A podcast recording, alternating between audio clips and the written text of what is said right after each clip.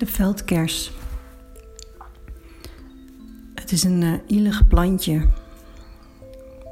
Frele steeltje omhoog met kleine, hele kleine witte bloemetjes.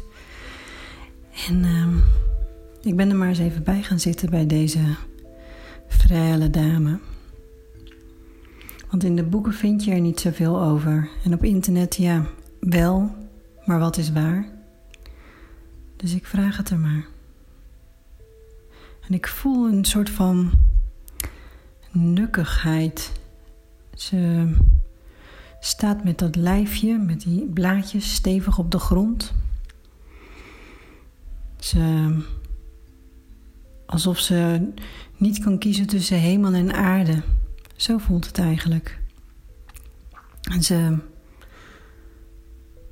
ze wil zich wel verbinden met de aarde, maar haar worteltjes zijn ook ielig.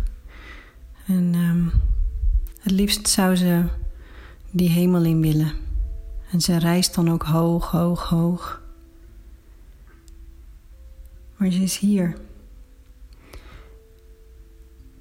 En ze maakt er maar wat van. En daarom staan ze vaak ook met meerdere bij elkaar. Zodat ze een beetje steun aan elkaar hebben ook. En ze laat ons zien dat we eigenlijk geen keus hebben. In die zin heb je altijd een keus, want we hebben hier vrije wil op aarde, maar je bent hier. Maak er wat van. Zoek elkaar op. En omarm je gevoeligheid, omarm je vrijheid, je nukkigheid.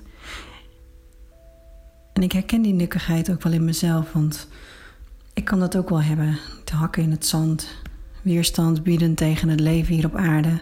Het is geen fijne plek, wat moet ik hier, waarom ben ik hier? Maar ik ben hier. En vaak als ik in die nukkigheid zak, herken ik hem ook wel en kan ik mezelf soms ook wel even met een mezelf even omarmen en, mezelf uit die uh, modus halen. Dat zijn toch gewoon innerlijke kindstukken die. Nou ja, ik kan mezelf zo voorstellen dat ik als kind dacht van my goodness, beam me up. Waarom? Dit was toch niet het beloofde land?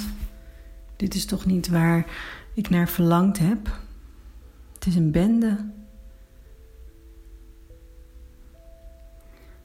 Maar dit plantje, zo ielig en klein als ze is, staat hier al vanaf het eind van de winter, vroeg voorjaar. En eigenlijk laat ze zien dat hoe bar en hoe koud het ook is, hoe moeilijk je het ook hebt, hoe klein je ook bent, je mag best gewoon gaan stralen. Je mag best gewoon de beste versie van jezelf aan de wereld laten zien. En niemand bepaalt wat dat is, wie je bent, wat nou die beste versie van iemand is. Iedereen kan alleen maar de beste versie van zichzelf zijn. En dat. Ik denk dat het wel tijd is om los te laten. En dan praat ik ook tegen mezelf. Dat ik iemand zou moeten zijn.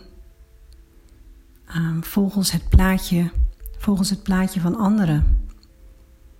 Als je dit bereikt hebt, dan doe je het goed. Want ook in die kruidenwereld, my goodness, er zitten echt wel wat types bij hoor. Ze zijn niet allemaal lief en schattig, die kruidenvrouwtjes. Ze hebben een oordeel op hoe ik het doe. En ik begin meer en meer mezelf daarin te accepteren. Soms heb ik daar ook gewoon even die, dat oordeel voor nodig gehad. Want een oordeel maakt ook dat je jezelf weer eventjes gaat herijken. Dat je je plek weer inneemt. En dit prachtige plantje heeft zijn plek ingenomen. Hier op aarde, in deze tijd. In de kou, in de bitterheid, in de zure grond. Dit is waar ze thuis hoort. En dit is waar ik thuis hoor. En waar jij thuis hoort. Auw. Dankjewel dat je de tijd hebt genomen om te luisteren naar deze podcast van Anaya.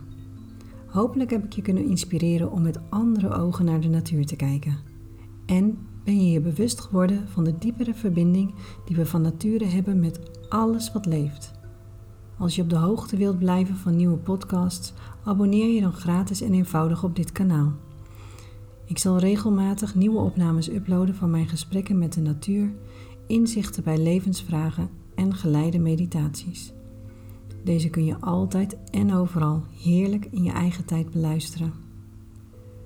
Wil je meer weten over mij en wat ik voor jou persoonlijk kan betekenen? Ga dan naar de website www.nanaya.com en schrijf je daarin voor de nieuwsbrief om niks te hoeven missen. Je vindt mij ook op Facebook en Instagram. Vond je het leuk? Deel deze podcast dan gerust met je vrienden. En als je nog een momentje hebt, laat dan een korte review achter over deze podcast. Mooie dag!